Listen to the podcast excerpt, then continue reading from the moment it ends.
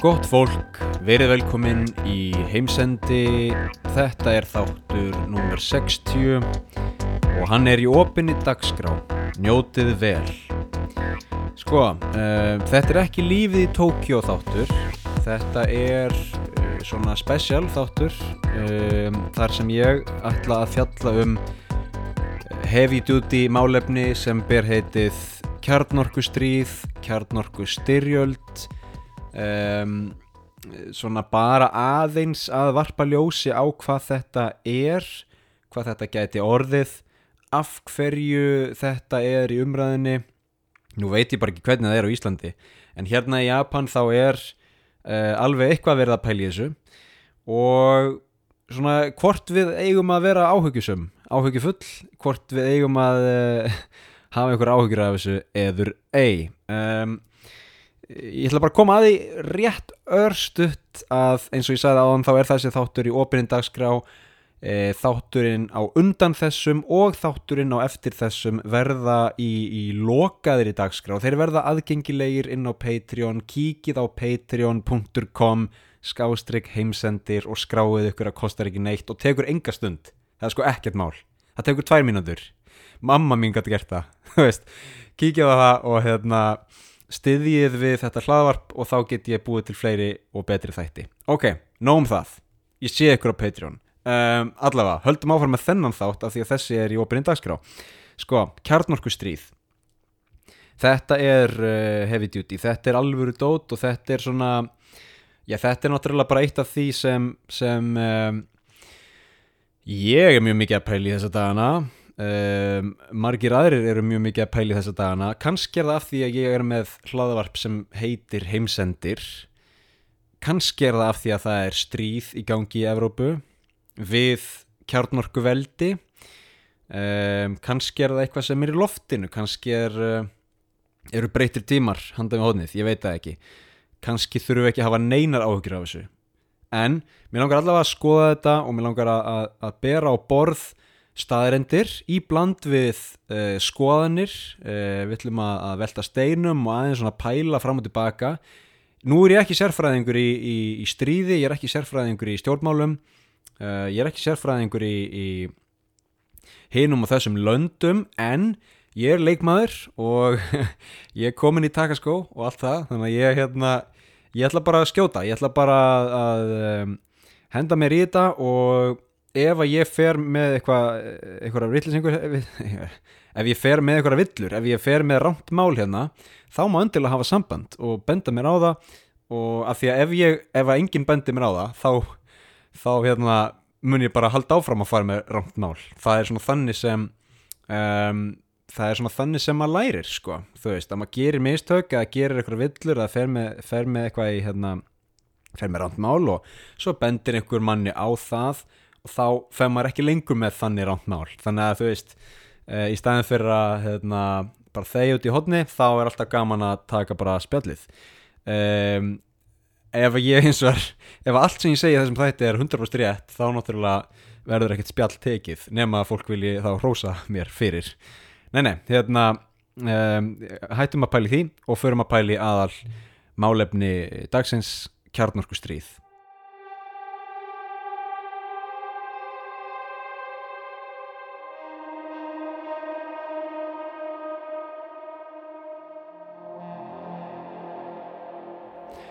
Ok, sko.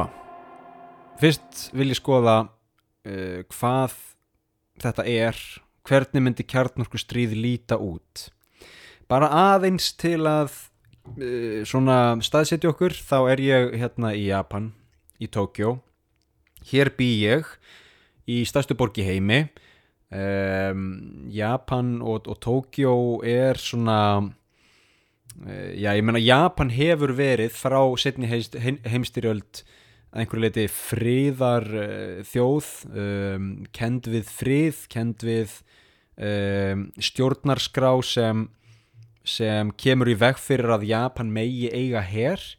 En á hinbóin þá er Japan staðsett, staðsett mjög nálagt Norður Kóreu mjög nálagt Rúslandi um, og svo Suður Kóreu og Kína og Tævan og þetta er allt svona mikill ólgu sjór hérna. Mögulega miklu meira enn í kringum Ísland þó að, þó að veðurfarslega sé kannski meira olgusjór þar. Um, þannig að, að þetta er svona þetta er svolítið skrítið að vera í Japan veist, þetta, er, þetta, er svona, þetta er svona land þar sem fólk hefur mikinn áhuga á því að, vera uh, svona pacifistar, friðarsinnar annars vegar, en svo erum við með sko uh, til dæmis langstæsta stjórnmálaaflið í Japan er svona hægri sinnað þjóðernis sinnað innan gæsalappa og þau vilja byggja herin upp aftur og þau, þau vilja sko setja hnefan í borðið og, og segja við Norður Kóru hingaðu ekki, ekki lengra og segja við Kína hingaðu ekki lengra og allt það sko. Þannig að þetta er svona þetta eru tveir uh, ólíkir heimar uh, sem er að koma hérna saman í Tókjó og, og ég bý hérna í miðri ringiðunni en aftur að, spurningunni eða aftur að sviðsmyndinni hvernig myndi kjarnorkustríði líta út? Og, og núna í þessari sviðsmynd þá ætlum ég ekkert að fara í uh, sko hvaðan sprengjur koma eða hvernig sprengjur eru eða whatever, ég er bara að tala um svona mjög almennt hvað fólk sem lendir í einhvers konar kjarnorku stríði eða árás gæti mögulega átt von á. Sko, eins og við höfum líklega flest heyrt talað um í fréttum eða sögu eða, eða í bíomundum stuttasvarið við því hvernig kjarnorku stríð myndi líta út er einfaldlega heimsendir.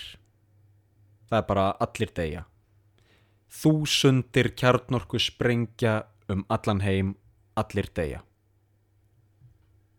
en uh, lengra svarið er vissulega að það fer algjörlega eftir því hvar við erum stödd í heiminum hvernig kjarnorku stríð lítur út. Ég hugsa að svona fræðilega séð sé mögulegt að kjarnorkustríð uh, yrði það eh, stórt og, og svona það dreift að það skipti minnamáli hvar þú ert. Það væri hægt að eiðilegja heiminn með kjarnorku vopnum en uh, það er svona fræðileg vangavelta. Ég held að sé líklegra að það væru svæði og, og, og lönd sem myndu uh, eiga miklu meiri möguleika á að lifa af heldur en önnur en ok, skoðum þetta bara svona. Þú ert uh, í borg stórborg og það fellur eða það er varpað kjarnorkusprengju á þá borg. Sko um, fyrir það fyrsta þá er líklegt að svona helmingur allra kjarnorku vopna sem yrði notað í svona kjarnorku stríði myndi beinast að innviðum, yðnaði og herstöðfum og, og um, skotmörkum tengdum hernaði, þannig að meina eins og í Evrópu það eru fullt af bandarískum hérna, ok, ég er strax, strax fann að tala um löndin ok, segjum bara í Evrópu það eru fullt af bandarískum hérna, herstöðum og, og NATO herstöðum í bandaríkunum þú veist, mjög líklega býr, býr, býr þú og ég ekki þar. Þannig að herstöðvar eruðu skotmörk og það kannski myndi hafa minni áhrif á okkur hinn uh, innviðir, brýr og veir og svona dót stíplur kannski veist um, virkjanir og orkuver. Jújú, það myndi hafa áhrif á okkur en, en, en, en við myndum kannski ekki verða fyrir þeirri sprengju. Og síðan er það yðnaður, þú veist, verksmiðjur, bílaverksmiðjur, við sáum það náttúrulega á, hérna, fyrri tveimur heimstyrjöldum heimsins um, að verksmiðjur urðu oft skotmörk, einfallega af því að verksmiðjur voru notaðar til að búa til vopn og, og farartæki. Um, þetta er kannski helmingur af þeim kjarnorkuvopnum sem við myndum búast við að myndu falla á okkur Uh, hinn helmingurinn er, er þá eins og við byrjuðum þessa vangaveltu. Myndi kannski koma til stórborgarna myndi vera varpað á uh, stórborgir og segjum sem svo að þú sért í slíkri stórborg uh, og það kemur sprengja eða sprengjur. Líklega gefið að viðkomandi sé í, í bandarækjunum eða, eða Evrópu eða einhver staðar uh, þar sem fólk hefur svona einhverja, hvað segir maður uh, þekkingu eða allavega hefur einhver undirbúning í kringum þessa sviðsmynd þá myndur líklega að fá 5-10 minúna forskott þú veist. Stutt forskott, I know. En það kæmi einhver frétt ég get ímynda mér hérna í Japan það kæmi pottjett í síman uh, SMS, símin myndi titra og öskra alveg eins og vittlisingur uh, sprengja á leðinni eldflög á leðinni farið í skjól farið í skjól. Og ég veit ekki hvað maður getur gert á 5-10 mínútum.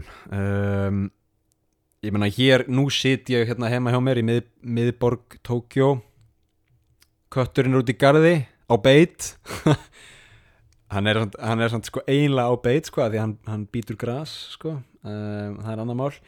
Ég veit ekki, ég myndi ná í köttin og reyna að ringja í konuna mína sem er í skólanum hérna í sjömínuna göngu fjarlægð svo myndi ég bara fara inn í baðherbergi og fara hérna ón í baðkarið og þú veist byggða til þórs eða eitthvað ég meina, maður getur ekki gert mikið annað ef, að, ef, að, ef ég væri hins vegar skilur á 50. hæð í einhverjum skíakljúfi í miðborg, miðborg Tókjó jújú, þá myndi ég líklega gera eitthvað annað. Ég myndi reyna að komast niður og kannski fara niður í lestarstöð nið, niður í neðanjarðar lestina eða eitthvað hann en, en ég veit ekki, á 5-10 minútum þú, hef, þú getur ekki gert mikið sko. Það er ekki, þú ert ekki að fara hérna ringja í alla ástvinni á 5-10 minútum um, sérstaklega ekki hérna í Japan þegar allir eru so sofandi á Íslandi. Nei nei, um, en allavega, það kæmi einhver líklega, kæmi einhver viðvörun og maður myndi hafa einhvern smá tíma til að breyðast við. Sko, þú ert nýju sinnum líklegri til að lifa af kjarnorku sprengju inni í byggingu heldur en úti. Punktur, punktur, punktur. Gefið að byggingin hrinni ekki. Ég meina ef að byggingin er literally ground zero ef að sprengjan sko, springur á þakinu á byggingunni þá hérna, þú veist, þá er það tæft það er tæpara, en allavega ef að sko ef að byggingin er í einhverju smá fjarlæð frá sprengingunni sjálfri þá er einhver, einhverja líkur á því að byggingin veitið er ákveðina vörn, ákveðið skjól og þá náttúrulega skiptir einhverju leiti máli líka hvar þú ert í byggingunni og allt neðanjarðar er betra almennt. Þess vegna eru neðanjarðar lestir og neðanjarðar lestar stöðvar mögulega bestar um, lestar bestar lestir bestar. Ég meina nema og búir í veist bandaríkunum eða, eða Rúslandi eða Kína eða Sviss þar sem eru neðanjarðar skíli bara einhvern veginn á, á öllum götu hornum uh, hérna í Tókjó allavega geti ímynda mér að neðanjarðarlestin væri nokkuð góð. Nema hvað það náttúrulega eru 38 miljónir hérna þannig að það er kannski svolítið þjætt sko. En svona til að gefa dæmi þá er ein lestarlína hérna í Tókjó til dæmis á 27 metra dýpi. Og það er fínt. Það er svolítið gott. Getur verið smá vörn í því. Eh, en þetta er ekki bara sprengingin sjálf þetta er líka sko eh, og þú veist, þetta er ekki bara uh, þrýstingurinn frá uh, bylgunni sem, sem sprengjan uh, þrýstir frá sér, heldur er þetta líka hitin og, og geistlavirk efni og, og hitin sem kveikir elda hér og þar sem verða eldsvoðum og, og dreifa sér og breyða úr sér og allt það sko. Þannig að þetta er ekki bara sprengjan og svo hörðu ég lifið af maður, hörðu ég lifið af. Ég get bara að fara út. Það er ekki þannig. Segjum og lifir af.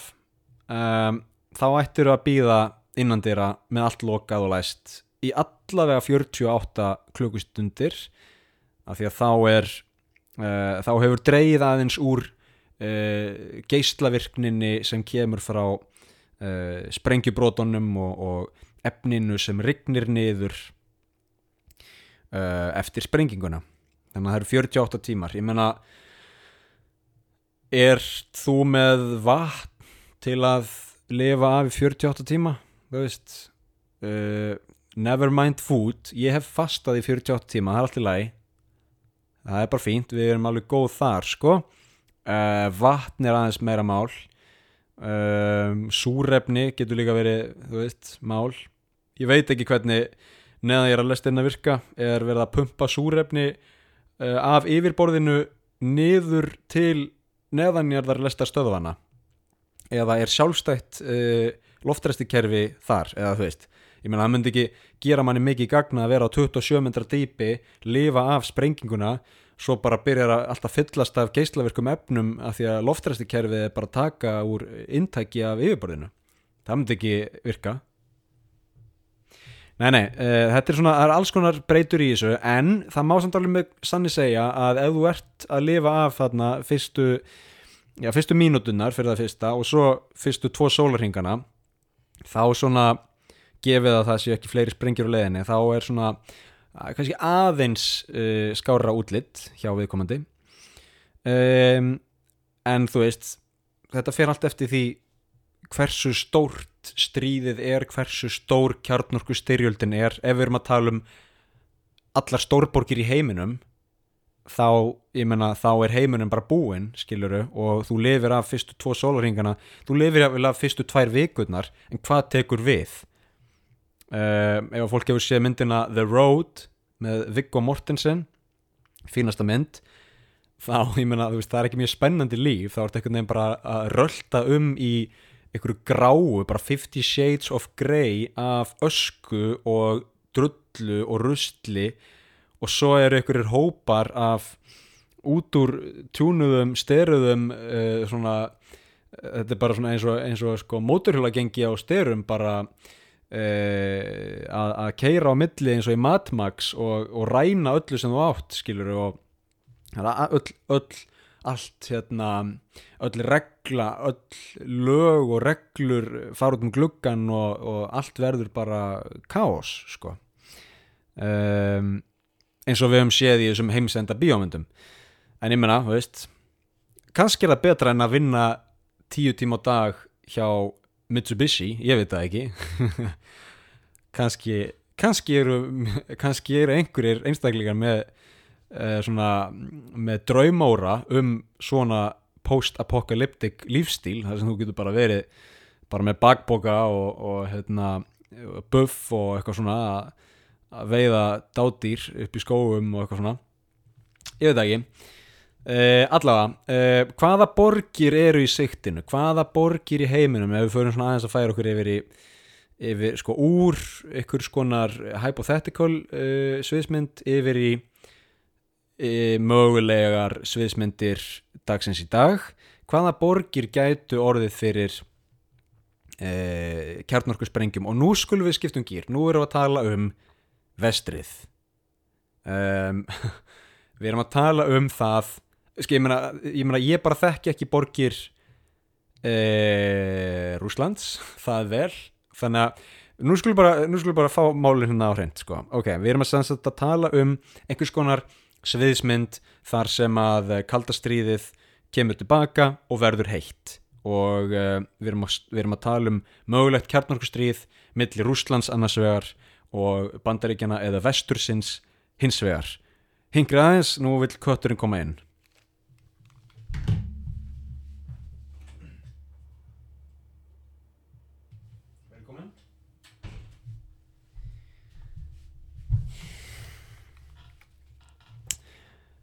Sko, sem sagt, um, svo að hérna, slæðunni, hulunni sé svift af því sem við erum að tala um, þá eins og ég segi, er þetta sviðsmynd þar sem Rústland uh, og Bandaríkin eða uh, Vesturlönd eru í, í kjarnorkustríði og við erum að tala um heimstyrjöld, við erum að tala um kjarnorkustyrjöld. Hvaða borgir í vestrinu innan geðsalapa uh, eru í siktinu, eru möguleg skotmörk já það er náttúrulega eru stórborgir í bandaríkunum það er New York, það er Chicago, það er Los Angeles, Houston, San Francisco Washington DC eh, það eru stórborgir í Evrópu eh, London, Paris, Berlin eh, fleiri góðar um, og náttúrulega borgir sem hafa sko hernaðarlegt gildi veist, ef það er ef það er hérna flugher eða sjóher eða stór skipahöfn eða stór verksmiðja eða eitthvað slíkt þá er alveg líklegt að þær borgir fylgji með. Hvað með Tókjó, hvað með Japan? Jú, kannski, myndi Rúsland ráðast á Japan, ég veit það ekki. Uh, myndi Norður Kórea ráðast á Japan? Uh, kannski, þú veist. Það er alveg hérna það er svona semi í hverju mánuð sem Norður Kórea sendir eldflög hérna yfir Japan um, ég býð ennþá eftir að sjá einast líka sem verður ekki sko, flýgur mjög hátt. Um, en ég veit ekki, menna kannski, kannski geti Norður Kórea séð sér leik e, færi e, leik í hendi, færi á leik eitthvað svona. E, Rúsland er að skjóta hérna kjartangarsprengjum á vestrið, akkur hendi ég getni yfir til Japan í leðinni það getur verið gott. Um, hvaða lönd og svæði eru ekki þarna talin líkleg. Þú veist, hvaða lönd eru örug eða örugari eða ólíklegri til að verða fyrir mikið af kjarnorku árásum um, ég hef séð lönd á borð við Argentínu Ástralíu Kanada. Hingrið aðeins, nú vil kvarturinn fara út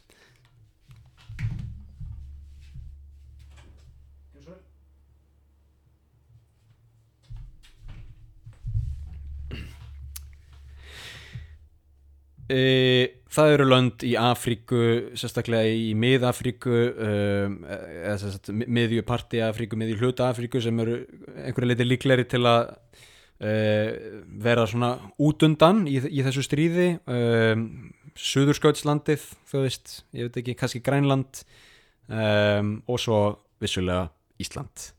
Já, Ísland væri líklega í ágæðismálum um sko ef að til þessa stríðs kæmi uh, af því að menna, Ísland er bara til dæla stort land það er mjög langt frá bandaríkjunum og Evrópu það er út í miðju hafi það er mjög lítið af fólki það er engin þú veist, her það er engin her á Íslandi um, og það er svona, þú veist og líka bara af því að við erum svona langt frá öðrum löndum þá myndum við alltaf eða, sko, við myndum alltaf ekki sjá neitt ég, mena, ég held að við séum alveg háð bandaríkjónum og, og, öðrum NATO löndum þegar kemur að einhvers konar eh, upplýsingagjöf varðandi eh, sko, mögulegar kjarnorkusprengjur eða eitthvað þannig ég, mena, veist, ég veit ekki hversu marga gerfin hætti Ísland á líklega engan.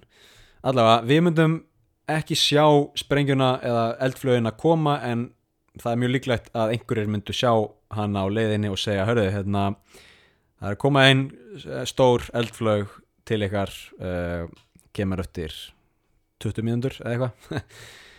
En uh, ég held samt að, að ég held samt að það er því frekar ólíklegt að uh, Ísland er því undir einhverju sprengjur regni sko.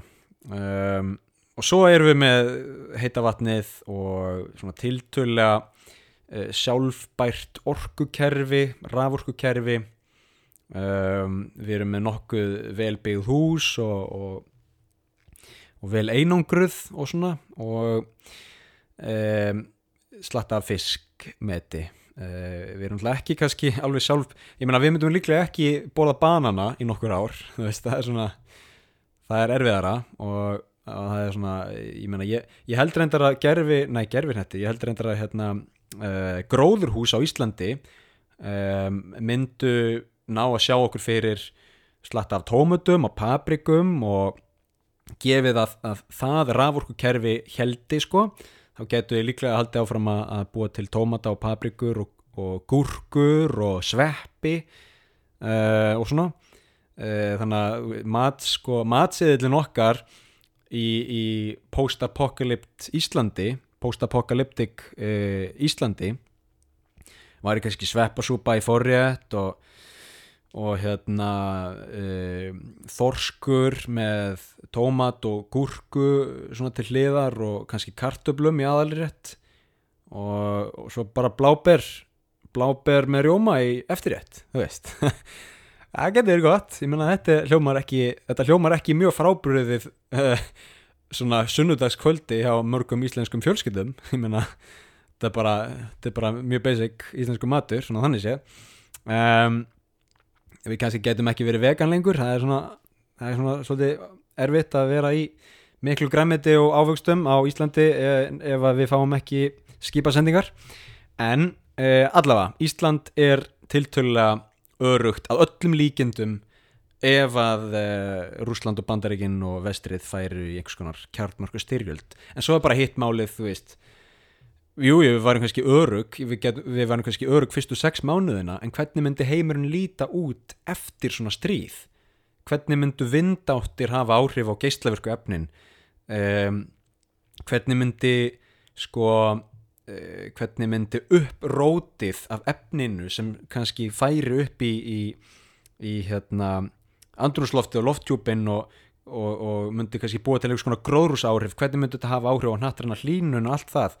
Þú veist, hvernig myndi þetta hafa áhrif, áhrif á, á sjóin og sjávarströyma og ég meina það er alls konar breytur í þessu og kannski kannski er bara engin óhulltur þegar að þessu kemur eða, eða, eða ef að þessu kemur öllu heldur en um, eins og ég segi við erum alveg ekki líkleg til að vera í, í uh, fyrsta sæti þegar kemur að uh, sprengju vörpum. Ok. Færum okkur yfir í annan kabla þar sem við erum að letast við að svara spurningunni er þetta eitthvað sem við þurfum að hafa áhyggjur af? Erum við að stefna í átt að kjarnorkustríði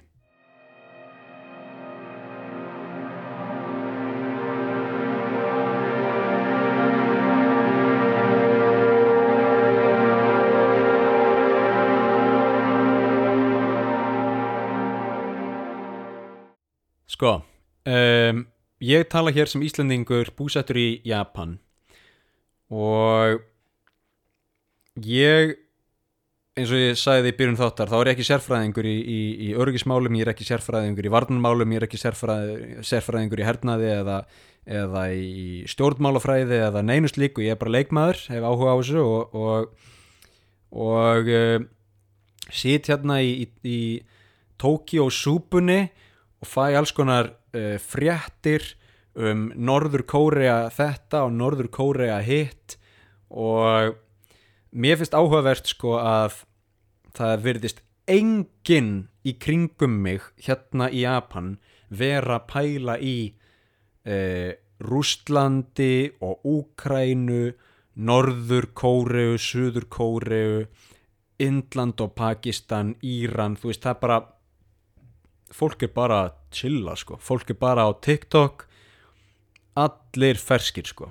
Uh, það er bara rockháttíð á ströndinni og og fólk, ég var í fjallgöngu síðustu helgi og það var bara geðið gaman og allir var að fá sér núðlur og eitthvað svona.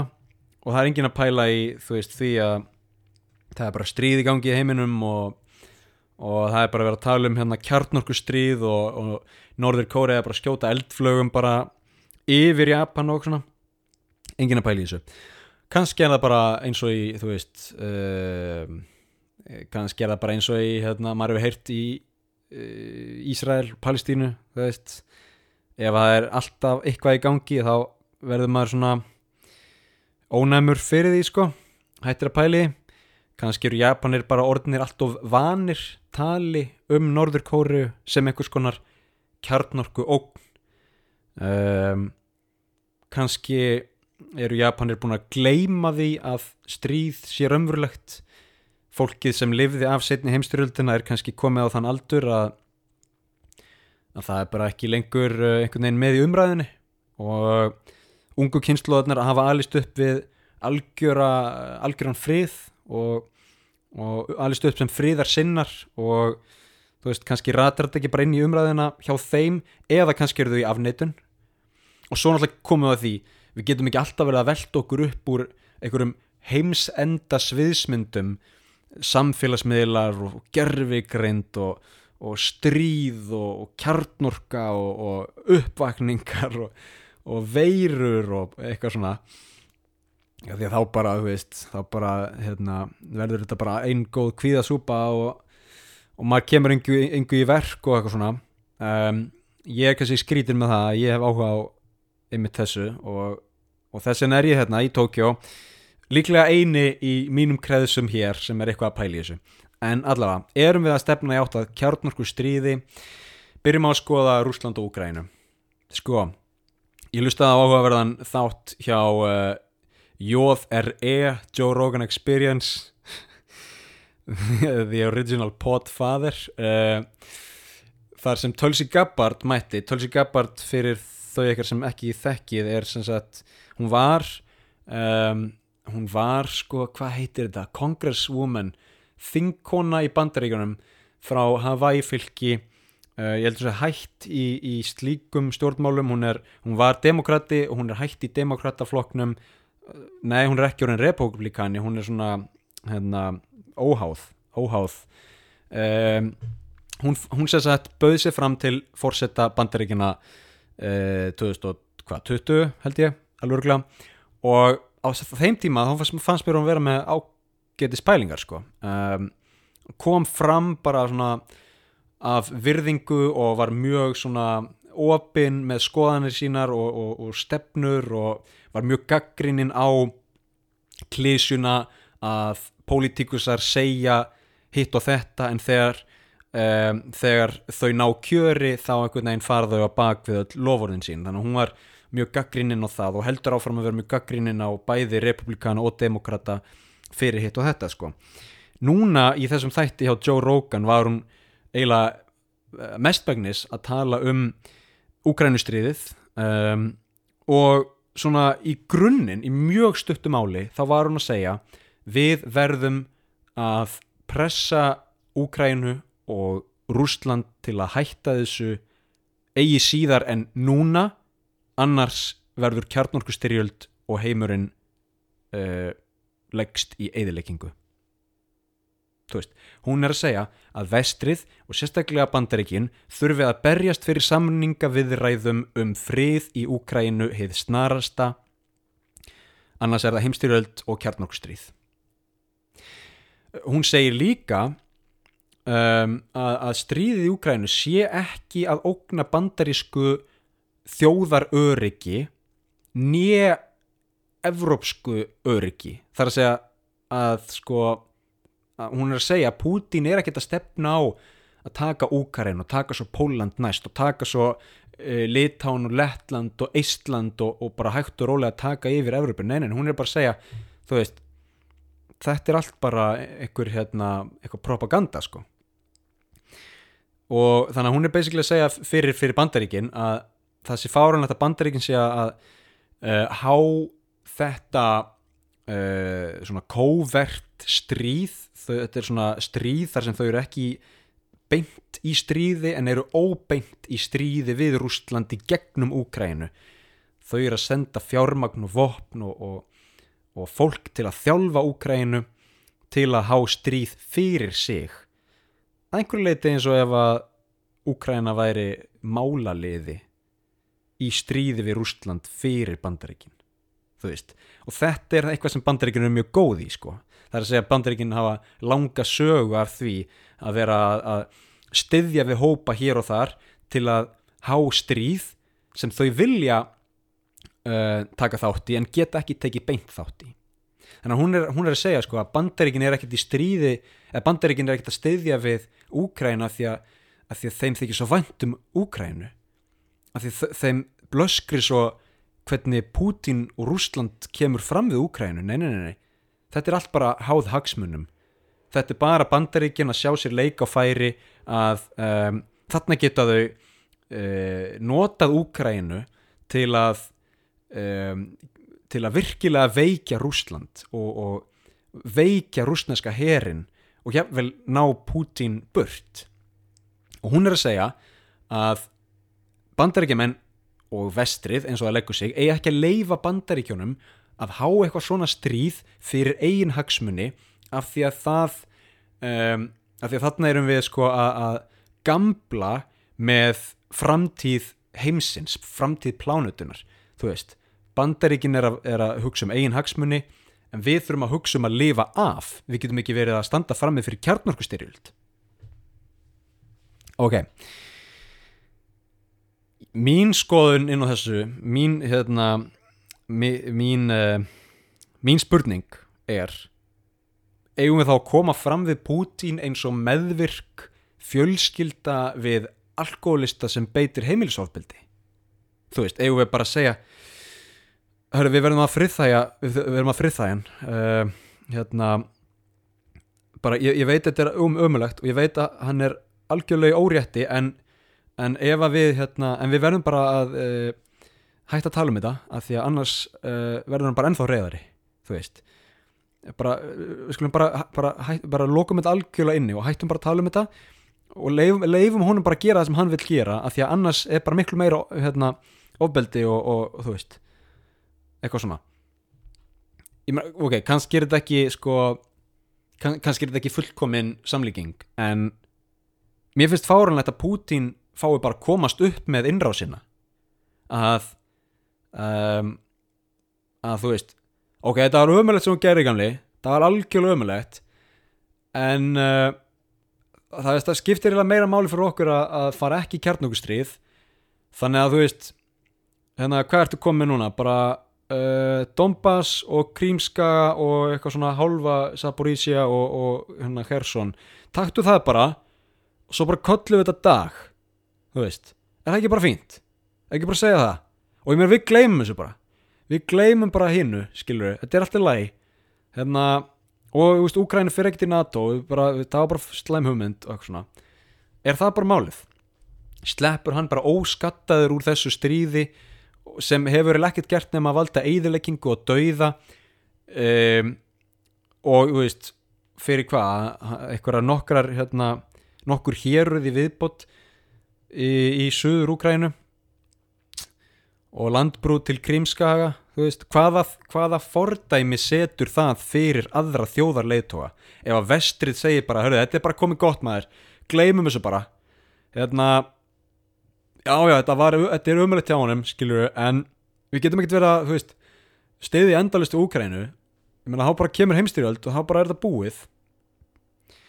Ég meina, er, það, er það ekki aðrir þjóðarleitóar eða, sko, einræðisherrar bara að fara að hugsa, byrju, ef að Putin komst upp með þetta ef við þá ekki bara að reyna að gera eitthvað svipað?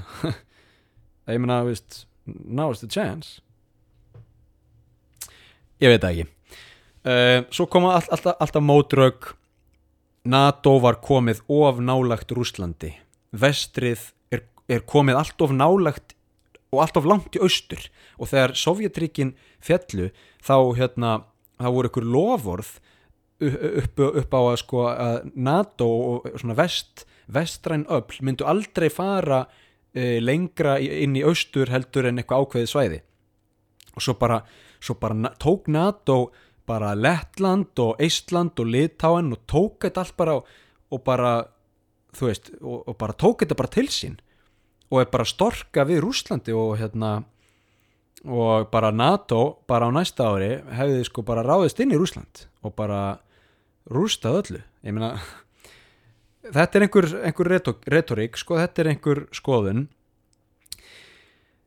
Fyrir mínaparta þá stennst hún ekki skoðun. Þá hérna megar dengarsens af því að við skoðum þetta svona. Landamæri NATO við Rúsland voru fyrir stríðið 6% af landamærum Rúslands eða sko við erum að tala um bara Eistland við erum að tala um Eistland, Lettland, Litáen og hluti af Pólandi þetta voru einu landamærin sem NATO átti við Rúsland Úkræna var ekki NATO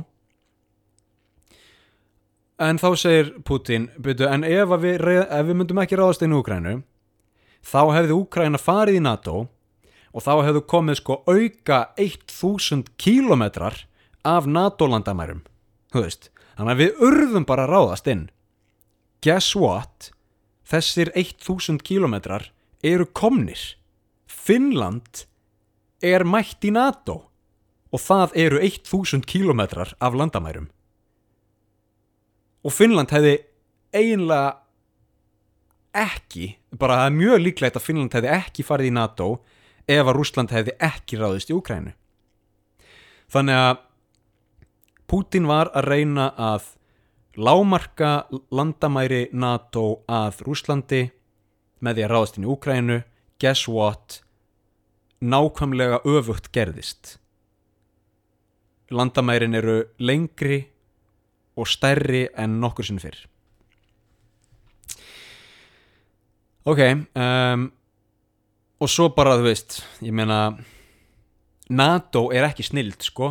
NATO hefur gert alls konar ömurlega hluti og bandaríkin eru eins og ég sagði á hann ótrúlega klár í að stýra um, umræðinni og almenningsálitinu og spila góðagæjan og allt það skiluru og bandaríkin hafa alveg gert svipaða hluti og Rúsland er að gera akkurat núna með innrásinni hitt og þetta ríki og, og stýra sko almenningsumræðinni og álitinu í heiminum um, til, a, til að passa við sína hagsmunni þú veist. En þegar öll eru að botni kvólt þá er mjög ólíklegt að NATO hefði samt ráðist inn í Rúsland sko. Það bara líka meikar ekkert sens en það hefur það aldrei gerst. Ok og svo er bara eitt hérna dæmi sem, sem hérna ég skrifaði niður. Sko að segja að það að lönd gangi í NATO sé NATO að um, beita valdi til að uh, ná yfir meira landsvæði og meiri áhrifum. Ég menna að veist það er bara eins og að segja að Coca-Cola sé gera nákvæmlega sama. Ég menna um, Coca-Cola er útbreytt og alþjóðlegt. Það vita eiginlega langt flestir í heiminum hvað Coca-Cola er. Og og ef að Coca-Cola kemur til Íslands eigum við þá að segja hörru, Coca-Cola er að reyna að taka yfir íslenskan markað. Og við þurfum bara hérna, við þurfum bara að banna eða ég menna, við þurfum bara að loka landamærunum. Coca-Cola má ekki koma inn inn eða eigum við bara að segja, ok, þú veist hei, þetta er bara samkefni við skulum bara búa til þá okkar eigin góstrykja framleiðendur og hérna, síðan kemur við ljósa að þú veist íslenska sótavatnið, allavega fyrir mínaparta er bara miklu betra en Coca-Cola. Og jújú, jú, ég veit alveg að þú veist stóru framleiðendur á Íslandi eru í, í hérna, samstarfi með PepsiCo og Coca-Cola og allt það sko, þannig að þú veist, já, þannig að bara sam, samstarf gerða verkum að á Íslandi er bara mikil góstrekja framleiðisla um, ok, þannig að Coca-Cola tók sannst ekki yfir Ísland heldur er, er Íslandingar með óksla mikið góðstrykkjum í búðum.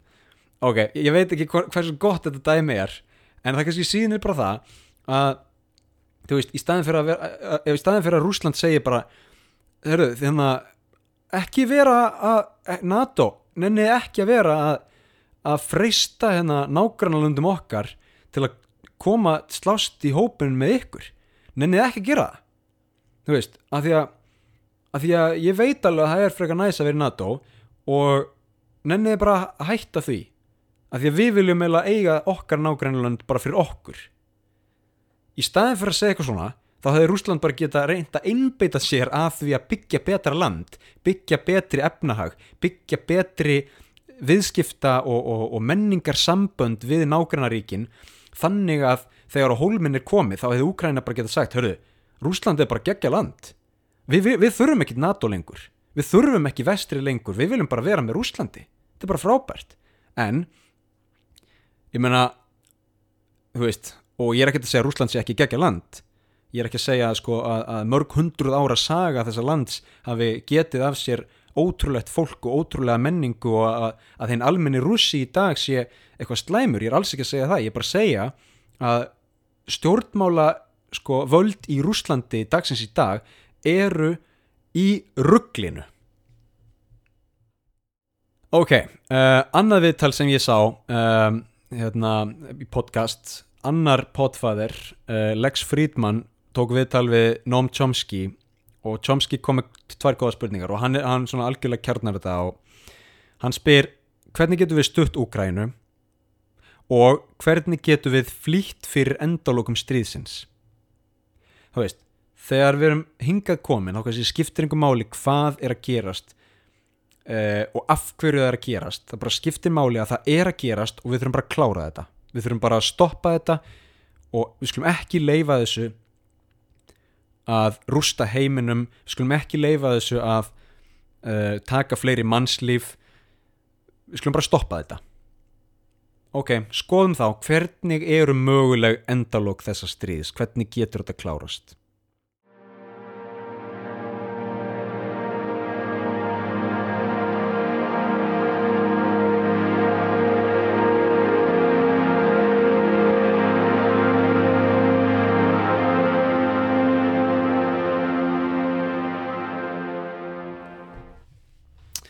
Ok, ein möguleg útkoma stríðsins. Rústland heldur velli og heldur svæðunum sem þau hafa tekið yfir. Sem sagt landbrúnni til Krímskaga. Pútín eh, tekur allt þetta setur það í gjafapapir líklega rauðan og tekur gullin borða og bindur fallegan hnút og tekur þetta og ber á borð fyrir rúsnesku þjóðina segir We won. We did it á rúsnesku sko. um, lýsir yfir sigri þú veist. Lýsir yfir því að stríðið sé búið og að Rúsland hafi unnið stríðið. Og ég menna Putin er með mjög upplugt fólk í að stýra almenningsálitinu í Rúslandi um, að stýra uh, fréttaveitum og, og fréttum almennt. Þannig að það skiptir lengur máli hvað er inn í pakkanum hann getur alltaf líst yfir sigri þú veist. Jæja, Tito vill fara út.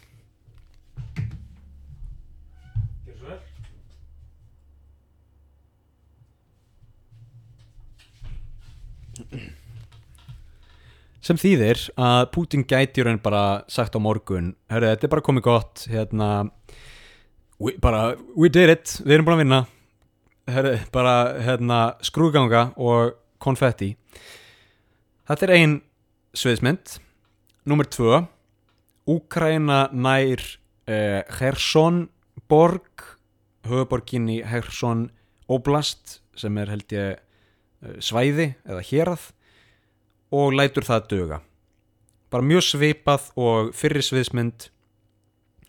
Um, þú veist, ég veit ekki hvernig þetta myndi spilast út hvort að það er einhverjar fríðarviðræður eða hvort að hérna, Selenski myndi draga í land og Putin myndi lýsa fyrir sigri og, og uh, sko stríði myndi bara einhvern veginn svona fjara út.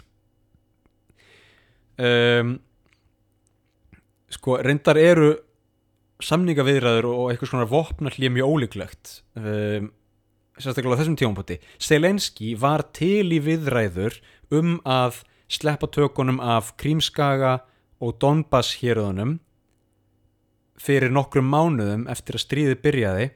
Putin hafnaði þeim viðræðum. Og þá fór Selenski bara í fíl og sagði bara ok, ef að þú vilt það ekki þá vil ég bara fá allt tilbaka. Og Krímskaga líka. Ok, þannig að þetta er svona þetta er smá erfitt, þú veist. Þessi fyrstu tvö þessar fyrstu tvær sviðsmyndir eru kannski ólíklegar. Reyndar held ég að á einhverjum tíum bóti muni Putin bara lýsi yfir hérna, lýsi yfir sigri segja bara þetta er bara komið gott við erum búin að vinna. Um, og þá mun heiminn segja þú veist uh, nei þeir eru ekki búin að vinna. En endilega hérna, lýst yfir sigri af því að við viljum bara að þetta klárist. Ok, síðan er sviðsmynd þrjú. Putin er ráðinn af dögum Þetta er mjög ólíklegt, held ég. Uh, allt, því, allt sem ég hef lesið bendir til þess að hann sé með rosalega þjætt og gott kerfi af öryggis og leinithjónustu starfsfólki kringum sig og líka fólki í, í lauruglunni og herlöggunni sem er sko vel launað og er haldið frá herkvæðningu. Þú veist, verkefnið er Það eru mótmæli í Sandi Pétursborg, fólk er að mótmæla stríðinu, bergið mótmælin niður með öllum ráðum og ég skal borga ykkur óksla mikið og þið þurfið ekki að fara í stríði í Úkrænu. Þú veist, þið eruð ekki hluti af herrkvæðningunni. Ná, þið getur bara að chilla í Rúslandi, ekkert vandamál, fá góð laun, þurfið bara að berja mótmælendur. Þú veist, þetta er einföldun en svona í grunninn. Þannig að Jújú, jú, ég menna, mögulega er einhverju toppar í kringum Putin sem, sem hérna, eru með einhverju plönin í skáp ef allt fer í rugl sko sem það er alveg einhverju leiti komið í. En að Putin sé ráðin af dögum ég veit ekki hversu líklegt það er. Sviðismynd fjögur kjarnorku stríð ok. Um, ólíklegt ég held að þetta sé mjög ólíklegt. Þetta er líka, þetta er líka ólíklegt að þann hátt að sko það er mjög auðvöld að segja orðið kjarnorku stríð uh, það er svona tittulega stutt orð en það, veist, þetta er ekki einn takki skilur það myndi alltaf það myndi alltaf byrja með litlu vopni sem er svo kallað tactical nuclear weapon og er nota bara á, á vígvellinum og það myndi líklega knýja NATO til að svara ekki með kjarnokkur vopnum heldur með uh, venjulegum hernarvopnum veist og er svona og þá myndi bara byrja einhvers konar hröðun í þessu en það tækir samt tíma. Og það, þetta er ekki þannig að það er bara eitt takki og heimurinn er búin um, en ég menna þú veist, maður getur heldur ekki maður getur heldur ekki lifa bara á voninni einni saman sko um, ef við skoðum bara svona sumt af því sem ég hef tekið eftir og, og, og sérstaklega í lesningu á, á alls konar greinum um, það er alls konar hugmyndir sem bæði lönd eiga eftir að prófa áður en þau eru tilbúin að klára þetta. Þú veist um, Rústland er núna til dæmis að fylgjast með kostningunum í bandaríkunum ef að republikanar taka þingið og hætta stuðningi við Úkrænu þá þarf, þarf Pútín ekkert að vera vesenast í ykkur kjarnorkudóti. Þá er þetta bara komið. Ef, ef að bandaríkin hætta stuðningi við Úkrænu þá er þetta búið sko. Þá er þetta bara búið þú veist. Um, svo er Rúsland líka býðið vetrinum sem, sem hérna, setur mögulega stryk í stuðning Evrópu við Úkrænu cost of living crisis og hækkandi orkuverð og allt það og kaldur vetur. Ég heldur endur að Rúsland sé að vanmeta hvað Evrópa er búi, búin að sko kaupa mikið af gasi sko. Uh, Evrópa á mikið pening sko og þau geta bara keift gas skilur frá fótækari þjóðum og, og hérna þau segja bara veist, uh, við, við menna veturinn verður ekkert skemmtilegur en við getum alveg gert þetta sko. Sem er einhver leiti ágefni að því að þá hugsa hérna Pútín þú veist ok, byrju, þá þarf ég að beita meiri þrýstingi að því að Pútín vill að bandaríkin og Evrópa hætti að styðja Úkrænu það er svona aðar máli hjá honum. Svo er annað svona reality check. Ef að Rúsland myndi varpa kjarnokkursprengju á Úkrænu þá væru þau einhver leiti að varpa kjarnokkursprengju á sjálfa sig. Af því að sko Rúsland er við hliðin á Úkrænu og ég menna að það, það þarf ekki nema bara sterka vindátt til að blása geislaverkum efnum yfir til Rúslands þannig að veist meikar ekkert svakalega mingið sens að varpa kjarnokkursprengju við landamæriðin. Og svo er annað í þessu. Mjög líklega eru Kína og Indland að pressa á Pútín að hætta þessu. Sérstaklega Kína. Eða sko sérstaklega Indland að því að ég hugsa að Indland sé svona óháðara einhverjum, einhverjum hagsmunum þó að séu miklu hagsmunum líka en Kína er svona sterkari hérna, eða allavega upplugri um, meðspilari Rúslands getur við sagt. Hverjir eru möguleikar Pútins úr þessu? Ég myndi segja að það sé bara tvent hann annarkvort sigur hvort sem það er raunverulegur eða ekki raunverulegur sigur.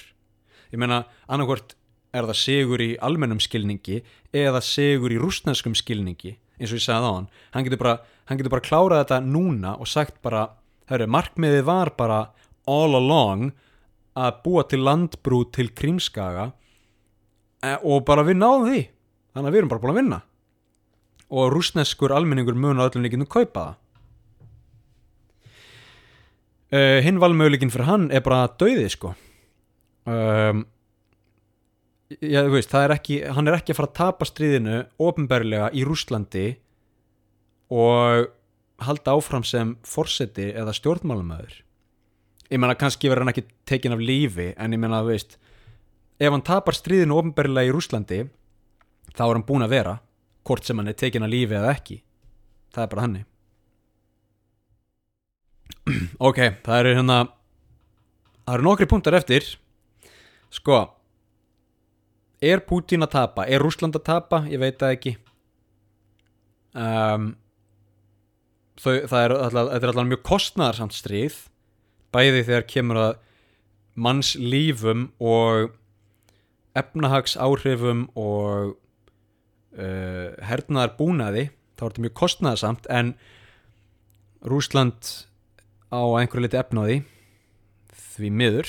Þannig að ég veit ekki, kannski er Putin tilbúin að að hérna hella alveg mörg hundru þúsund hermunum til viðbótar í súpuna áður en hann segir að hún sé tilbúin.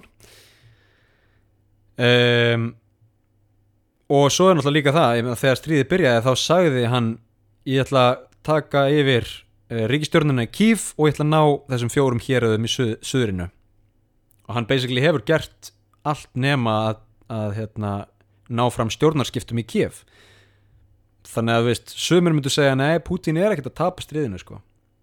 Hann er bara mjög góðum málum núna sérstaklega þegar veturinn er að koma.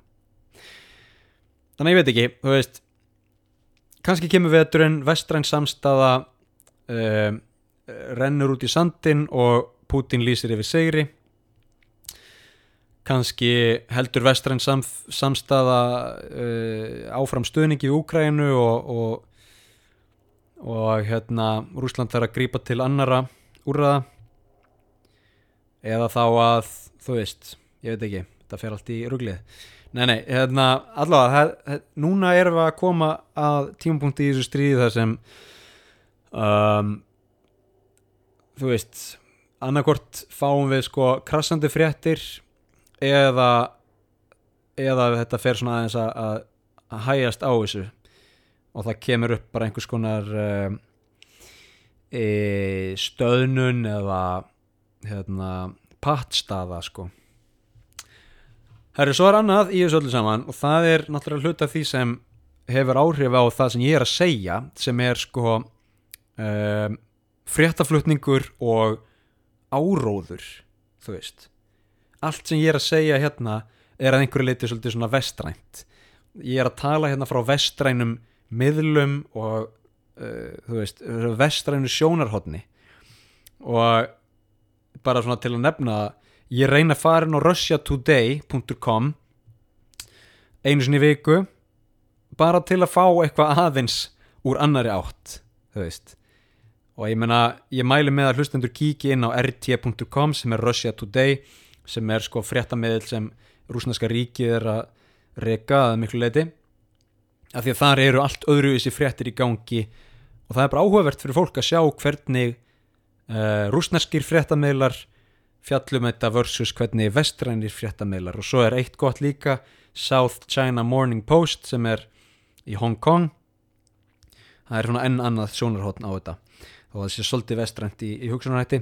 Um, bara þú veist að fá hlutina úr mismunandi áttum að því að, að því að við erum öll sko, við eigum öll á hættu á að verða áróðri að bráð fara að taka þátt í áróðri og, og gaggrínin hugsun fari út um gluggan sko.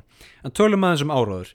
Þú veist ef við ætlum að hérna, setjast niður og komast einhverju niðurstuðu þá þurfum við að hugsa ætlum við að trúa þessu eða hínu og þegar kemur að Rúslands Úkrænu stríðinu þá, þá er annarkort sko vanandi áður áróður þá er þetta bara annarkort tannig annarkort er Rúsland að ljúa eða vestrið eins og það leggur sig er að ljúa hvort er nú líklera um, og ég menna ég er ekki að segja það að vestrið beita ekki áróðrið sko. Það eru öflugar áróðurs vélar í vestrinu líka. En í þessu tilfelli finnst mér líklera að, að Rúsland sé aðeins meira að beja sannleikan Rússar sögðu til dæmis um daginn að það væru brettar sem hefðu sprengt upp gasleiðsluna Nord Stream 2 um, sem meika bara engan sens þú veist, af því að það að sprengja hana upp þó það kosti Rúsland pening sem Rúsland er sko að fá fullt af pening út af gasinu þú veist, þannig að að þau segja, já þetta kostaði okkur hérna 100 miljardar það getur, það meikar engan sens að við sprengtum þessa gasleðslu og það kostar svo mikið pening. Wait a minute sko, Rúsland er að fá ógeðslega mikið pening frá sölu gas í gegnum margar aðrar leiðir og leiðslur peningur er ekki vandamál þarna sko. Uh, vanandi, vanandi hérna Evrópu það er miklu verra fyrir Evrópu að fá ekki þetta gas. Allavega þanga til Evrópa er búi, búin að finna aðrar leiðir. Og, og sérstaklega Bretland. Okkur myndi Bretland vera að setja pressu á Evrópu til að uh, þú veist, ég veit ekki, hætta stuðningi við Úkrænu, er, er, er það Bretland sem vil gera það ég, ég, meina, ok, annarkvort er Rússland að ljúga þessu eða vestrið er að ljúga þessu. Og það er bara fyrir okkur ákveða. Uh, rússar segja annað. Þeir segja að það voru brettar sem gerðu dróna árás á rúsneska flotan í, í, í Svartahafinu Sevastopol. Býtu, hvað, hvað meik, akkur er það? Enn og, aftur, er það brettar sem vilja flýta fyrir uh, að, að hérna, knýja fram sterkari viðbrögð frá rússum? Eða þú veist, af hverju mundu brettar vera kannski er ég bara eitthvað klikkaður, kannski bara er ég ekki að sjá heið augljósa en fyrir mér meikar þetta engarsens þannig að þarna held ég að rússar séu að ljúa svolítið. Uh, ég var að lesa frétt á Russia Today um að Úkraina væri að skjóta á Kakhovskaya stípluna sem hérna ef, ef hún springi upp þá myndi allt, allt úkrænska innrásarliðið í Kherson verða undir vatni. Þannig að Úkraina er sem sagt að skjóta á stípluna til að flæða allt landamærið sem öll, nei, hérna allt landsvæðið sem úkrænski herin var að ná tilbaka og í leiðinni að þurka út innrásarliðið sitt eigið innrásarlið þetta meikar engan sens. Fyrir rússa myndi þetta meika miklu meiri sens. Og það myndi líka meika mikinn sens fyrir rússa að kenna úkrænumönnum um það. Þú veist, þannig að það fer eftir hvernig þú horfir á þetta en þarna held ég aftur að rússar segja að ljúa Ég ætla að lesa aðeins hérna upp úr grein frá Russia Today Ég ætla að lesa þetta á ennsku Svo getur fólk bara kíkt á þetta hérna á heimasíðunni rt.com Þetta er svona dæmi um rúsneskan fréttaflutning Kherson region was officially declared part of Russia in early October, together with Zaporizhia region and the People's Republics of Donetsk and Lugansk.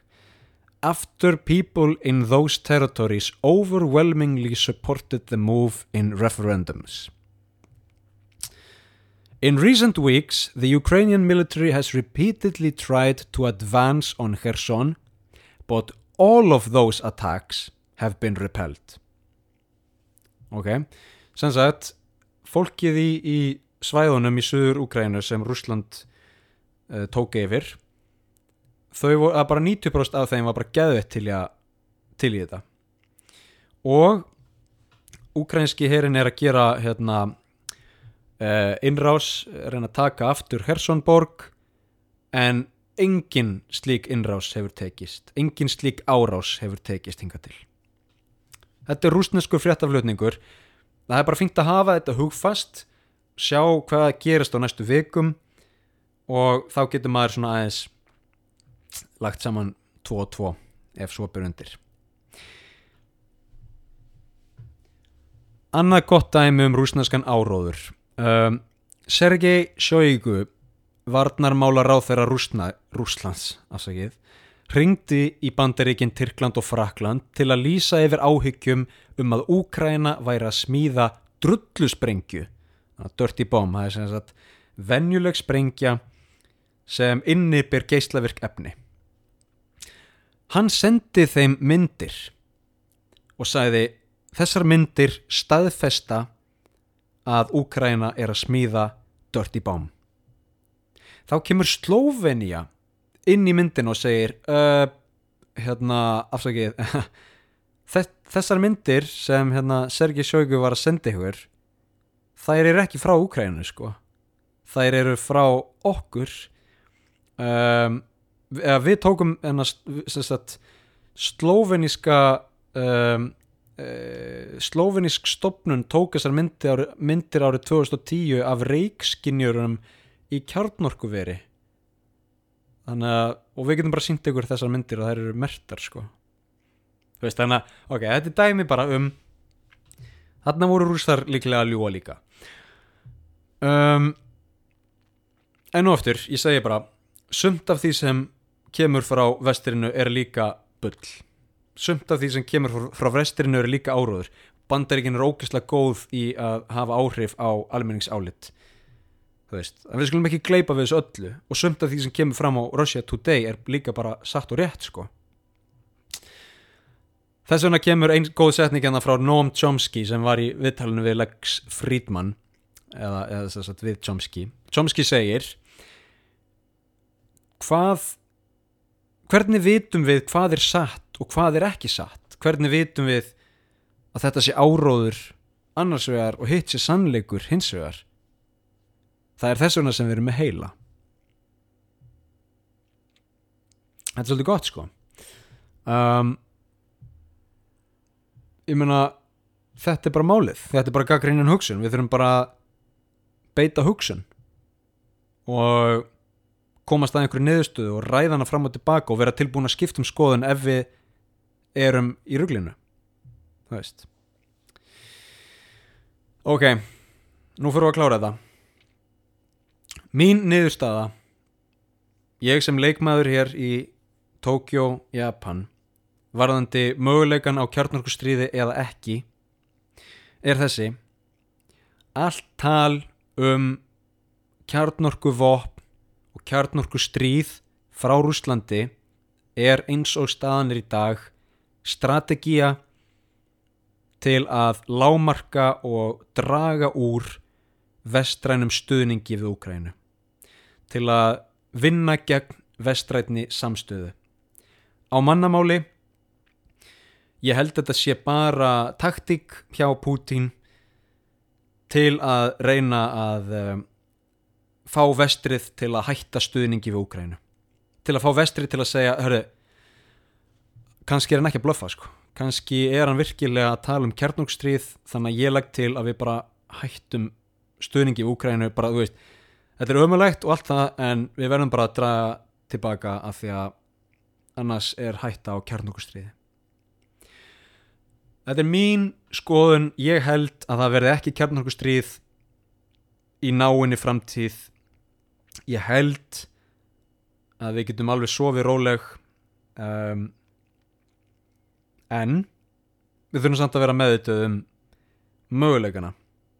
Putin sagði í viðtali fyrir mánuði This is not a bluff og ég menna hvort að það sé bluff eða ekki veit maður ekki en það allavega er það stiður við hans hagsmunni að reyna að draga úr vestrætni samstöðu og ef að stuðningur við Úgrænu hættir að koma frá bandaríkunum á Evrópu þá er mjög líklegt að Putin lýsi bara yfir sigri og segja þetta gott. Æja, nóg komið um þetta, nóg komið af þessu, nú skulum við færa okkur um set og eh, kíkja rétt aðeins til Norðurkóru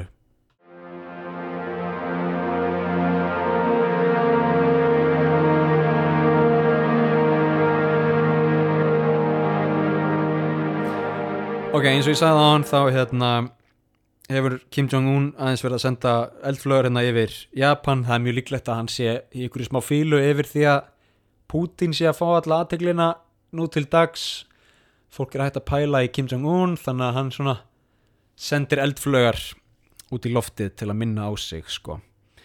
Þetta er alveg gert áður, hann gerði þetta líka 2010 og 2017 sendir eldflögar yfir Japan og í kringum söður Kóru keirir áróðurinn upp í þak fær Bandaríkin og, og Japan og söður Kóru og Evrópu og alla til að vera á tánum og, og jafnvel að segja við Norður Kóru, ok, ok, ok, ok ok, við skiljum, við skiljum.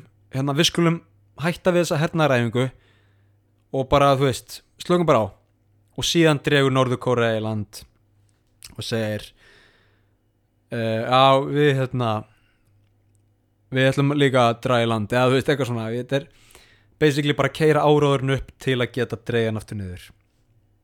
Um, en þetta er ekki bara áður, áróðurstæki þetta er ekki bara hann að minna á sig. Auðvitað er Norður Kórea líka að um, að rannsaka og byggja upp eldfluga tæknina sína af því að ég meina þau vilja eða Kim Jong-un öllu heldur og hans hérna, stjórn, hans fjölskylda um, vill geta varpað kjarnorkusprengjum á bandaríkin. Ég meina Norður Kórea getur varpað kjarnorkusprengju á Japan í dag. Japan er með einhver uh, varnarkerfi til að breðast við því og allt það en, en svona þegar kemur að drækni þá getur Norður Kórea alveg skotið á Japan, það er eitt mál þannig að ef að það væri eitthvað að fara að gerast þá er mjög líklegt að það væri kannski búið að gerast. Málið er að þau get ekki ennþá ráðist á bandaríkin allavega ekki með vissu og þess vegna halda þau eða hann, Kim Jong-un heldur trompinu ennþá að hendi. Hann vill ekki spila því fram þangað til að hann er viss um að hann geti ráðist á bandaríkin. Og ég er ekkert að segja að um leið og þetta sé hægt þá gera hann það. Öll pælingin með þetta er bara að halda völdum. Að hans yfirráð í Norður Kóreu séu eilíf og það sé ekki að storka við þeim. Ef að Norður Kórea væri ekki með um, svona öflug vopn þá væri líklega sko, Kim Dynasty ekki lengur við völd sko. þannig að svona er það. Um, þetta hefur allt haft áhrif á, á fólki í Japan að þjóðliturum til að Japan var algjörlega friðarsinnað land. Eftir setni heimstyrjöldina þá var Japan ekki til í neitt sem tengdist stríði og slíku.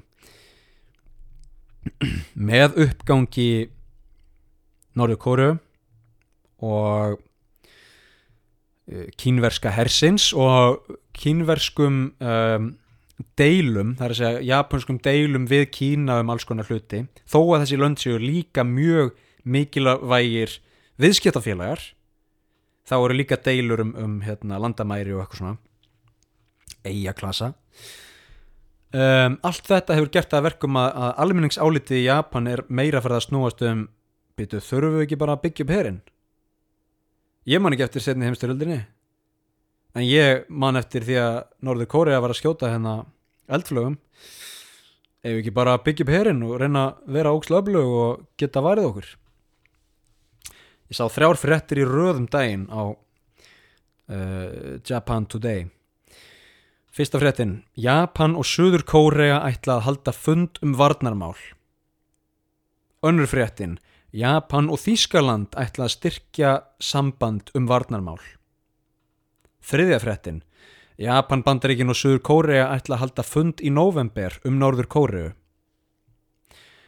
Og svo náttúrulega eru Bandaríkin, Japan og, og uh, Ástralía og Indland í svo kullum kvat um, varnarmála uh, í, í svo kullum kvat varnarmála sambandi og eitthvað svona. Þannig að Japan er að færa sig í átt að hernaði mm, varnarmálum, þú veist ég menna ég hef fjallað um áður í þessum þætti í nokkrum þæ þáttum að það er basically her í Japan og hann er bara frekar öflugur og Japan á ekki flugmóðurskip en þau eiga skip sem þau geta breytt í flugmóðurskip á tveimur mánuðum, þú veist.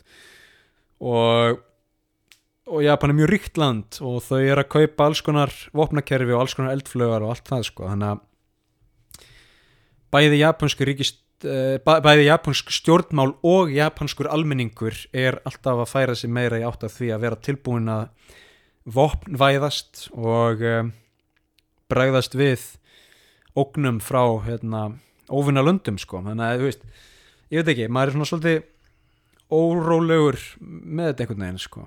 Um, og svo náttúrulega er Kína og Tævan og allt það og ég fjallaði um það líka í öðrum þætti. En það má ekki gleyma því, sko, þó, þó við sem að tala hérna um Rúsland og Úkræn annars vegar og Kína og Tævan hins vegar og, og Norður og Suður Kóru þá er þetta allt mjög ólíkt. Og það er ekki hægt að einfalda þetta á okkur hátt að byrja þetta saman. Það er bara ekki hægt. Um, þetta, er bara eins og ég segja, þetta er bara algjörlega sitt hvort, Rúsland er sjálfbært í orku og matvælaframleyslu Kína er það ekki. Rúsland er algjörlega búið einangra sig frá vestrætni vestlu en nema þá kannski með hérna hráefni á borði gas og olju Kína er það ekki sko. Kína á í rosalega miklum viðskiptum við Japan og Bandaríkin og Sur Kóre og Evrópu og þú veist ef að, ef að Kína fær í stríð við Tæwan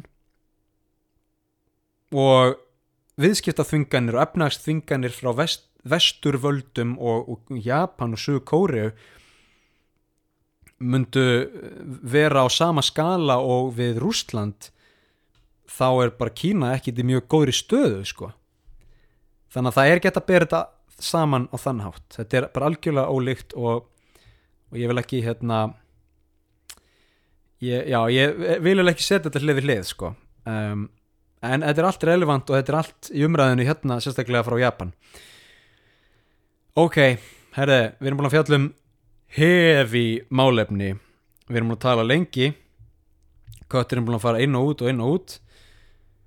Og ég ætla ekki að segja ég, ég ætla ekki að segja að ég hafi vonað að þið hafið haft gaman af þetta er náttúrulega áhugavert þetta er áhugavert og relevant og viðegandi og auðvitað eigum við að vera meðvituð um þetta. Hvernig haldið að fólkinu í, í kaldastriðinu hafi liðið, haldið að hafi ekki verið meðvituð um hættuna? Þú veist.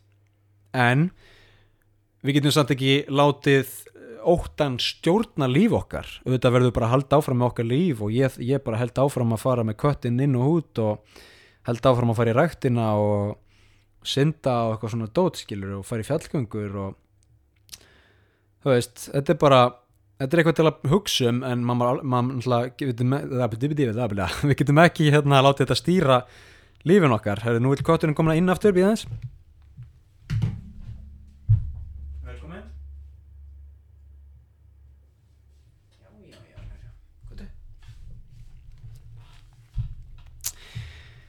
Þannig að um, svona var nú þetta. Ég hérna vona allavega að þetta hafi verið áhugavert og að þið hafi kannski lært eitthvað og þetta hafi vakið upp einhverja spurningar og þá bara hveti fólk til að lesa og hvet fólk til að skoða uh, mismunandi uh, sjónarhótt og reyna að vera með einhvers konar áróður sklerugu á sér allavega beita gaggrinninu hugsun eins og ég hef reynd að gera en, en ég er líka bara mannlegur og mögulega hef ég orðið fyrir uh, sko konga áróðunum frá bandaríkjunum. Bandaríkjun eru virkilega góð í alls konar áróðuri sko þannig að ég get alveg hérna hafa lendið ykkur grifju en þetta var svona leikmanns uh, umfjöllun um kjarnorkustríð, uh, stríðið í Úkrænu og hvernig þetta eh, spilar allt inn í líf mitt hérna í Japan. Í lokin langar mig að taka bara nok nokkur dæmi um gleði fréttir ég er sko af því að þetta er svona svolítið dark and gloomy og, og heavy þáttur þá hérna googlaði ég bara bara happy news og eitthvað svona.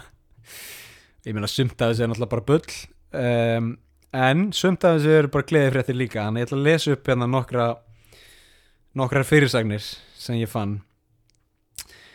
Um, það fannst ný uglutegund í Afríku. Gleði frétt pöndur eru ekki lengur endangered nú eru þær vulnerable. Ok, þetta er enda frétt frá 2016 en ég var bara að sjá þetta í dýralífstættum daginn og hérna ég veit ekki, það er eitthvað þetta er svona þetta er náttúrulega ekki gleði gleði frétt en þetta er svona skárra en ef þetta væri öfugþróun þannig að kannski er pöndur ekki að fara degja út. Nú ég aldrei séð pöndu þannig að ég veit ekki hversu mikið þetta hefur áhuga mig en það er alveg sætar. 1200 kíló grasker vann keppni í Massachusetts.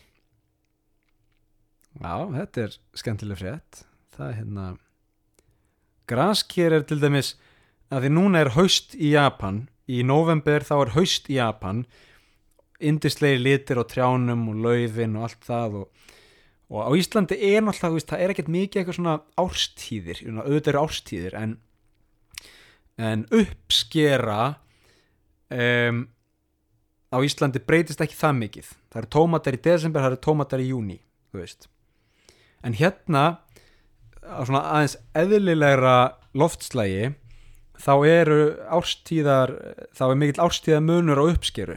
Og, og, í, og þegar kemur að haustinu þá koma graskerinn og þá koma sætu karteblöðnar og, og mandarínur og það er rosalega gaman að sjá hvernig þetta breytist þú veist.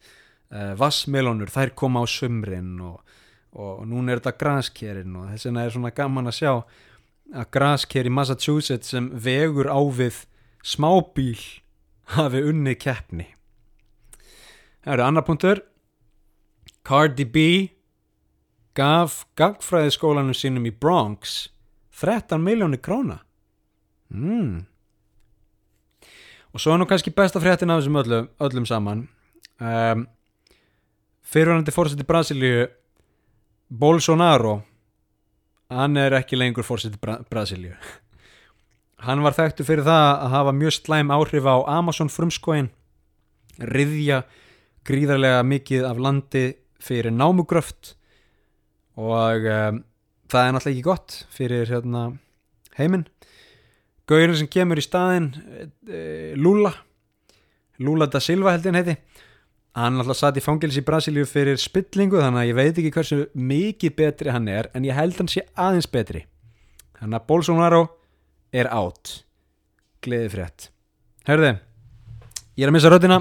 Við erum að tala allt um mikið, ég þarf að fara í ræktina hleypa kættinum út og allt, allt það. Takk fyrir að hlusta, kæru hlustendur og gerið það fyrir mig ef þið, ef þið eru komin þetta langt ef þið eru komin einn og halvan klukkutíma nánast inn í þátt með mér þá vil ég byggja ykkur að koma yfir á Patreon líka. Í næsta þætti á Patreon þá mun ég tala um Yakuza menningu í Japan. Það verður geggjaður þáttur. Þá verður ég með hljóðbrot og, og og japansku hornið og, og ég veit ekki hvað og hvað. Kíkja á Patreon, það kostar ekki neitt og tegur bara tvær minnundur að skrá sig. Takk fyrir það, takk fyrir að hlusta og við heyrumst í næsta þætti